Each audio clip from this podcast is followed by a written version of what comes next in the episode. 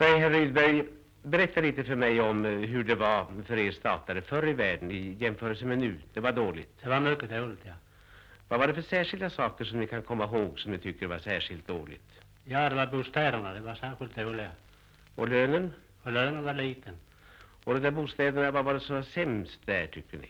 Ja, rummen var små och mörka och Och köken då? ja, det var mörkt och eländigt. Och Vad hade ni för sorts golv?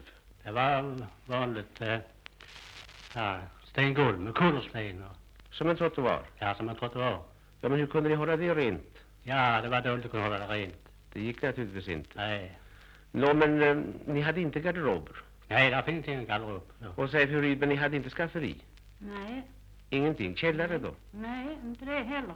Inte ett dugg. Nå, men hur var det? Var ni ensamma om, om ett kök, en familj, eller hur var det med den saken? Nej, det var två, två mitt kök. Och eh, på kvällarna, det var någonting ni berättade om det. Ja, då fick man först ringa nabon och fråga om han var ingen så man kunde låsa dörren. Annars fick ni ligga för öppen dörr? Ja, Ja, det är ju alldeles märkvärdigt. Ja. Nå, men säg mig, eh, och för barnen? ja, det var eländigt. Mycket eländigt. Ni kunde väl egentligen, hur, hur, hur kunde ni förvara kläder och sånt? Det kunde ju inte bli snyggt på det viset. Nej, de hängde man på väggarna i rummen och där fick de hänga. Ja, det var ju alldeles värst. Och nu då? Ja, nu är det ett helt annat. Nu har jag fina garderob. Och likadant med skafferi. Ja, fina skafferier och Så nu trivs ni med det här? ja, nu är det mycket bra. Säg, hur länge har ni haft det på det här viset? Ja, det har vi ju haft rätt så länge. Ja, man kan väl säga en tio år. Här på det här stället, ja. Ja, ja. Men som det är här är det ju inte överallt. Nej, här är det enastående. Är det enastående här? Ja, det är det. Ja, jag har ju sett nere i Malmöhus län förfärligt ruskiga saker. Men eh, hur, hur ni har här, ni har ju nära till skola också. Ja, här är mycket nära till skolan nära till stationen. Så är det en sak, och arbetstiden, hur är det med den? Ja, den är, den är bra. Den är bra mycket mer nu än förr. När var det ni måste vara uppe förr? Ja, förr måste man vara klockan fyra. Ja, och nu? Ja, och nu stiger man av på klockan fem. Och ni arbetar till? Ja, det är halv sju, sju. Sju. Nå, men då har ni just mera fritid än ni hade förr. Ja, mycket mer fritid. Förr var det nästan ingen fritid. Man precis när man är ute får man börja igen. Nå, men när ni nu har det mera fritid så är det naturligtvis nödvändigt också att ni har trevligare bostäder. Ja, det är det. Man trivs mer hemma och är trevligare. Vill gärna vara hemma. Naturligtvis. Säg, tror ni inte det, herr eh, Rydberg? Om eh, man nu skulle bygga sådana här bostäder överallt, inte bara för torpare utan för eh, jordbruksarbetare och så vidare, eh, skulle inte den så kallade flykten från landsbygden då upphöra? Jo, det blir han säkert. Det blir nog på landet. Ni menar alltså att folket på landsbygden egentligen vill stanna på landet? Ja, det vill de. Bara för bra bostäder. Så det är huvudsaken? Det är huvudsakligen.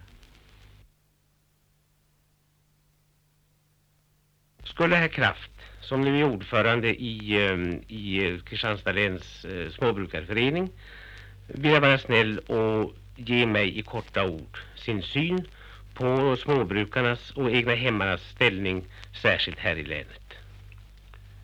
Ja, jag ska i korthet då försöka också ge det svaret. Småbrukarna har det i stort sett, kan man säga, nästan sämre än både eh, jordbruksarbetare och torpare. I, I all synnerhet i fråga om bostadsförhållanden. Det förra har genom eh, den nyare lagstiftningen, eh, arbetstidslagen, fått det ganska väsentligt förbättrat på bostadsområdet. Och torparna har i regel sina arbetsgivare också bättre tillgodosett än vad staten genom sina åtgärder har kunnat eh, göra eh, med småbrukarna. Hur kommer sig det egentligen då? Ja, de eh, stödåtgärder som vidtagits har verkat så att det har varit till de störres fördel mera än till de mindres, Det vill säga de större jordbrukarnas. de större jordbrukarnas. Ja. Det har ju, eh, både sockerbetsodlingen och brödsättsregleringen har ju verkat så, så att eh, de större har fått eh, fördelarna under det att de mindre jordbrukarna som har varit hänvisade till att köpa brödsäd och eh, förut innan eh, ett par år tillbaka inte har fått eh, blivit delaktiga utav sockerbetsodlingen. Nå, men denna egna hemsrörelse var väl från början ändå avsedd att hjälpa just dessa människor? Jo, naturligt. Och jag tror också att eh, det, det, eh, eh, det var ställt på rätt väg till att börja med. Men en del eh, eh, saker har spelat in som har gjort det att det har kommit på villovägar. Dessa saker eller eh, an, orsaker eh, är ju det att eh, en del personer har försökt och eh, gjort sig vinning utav eh, efterfrågan på egna hem.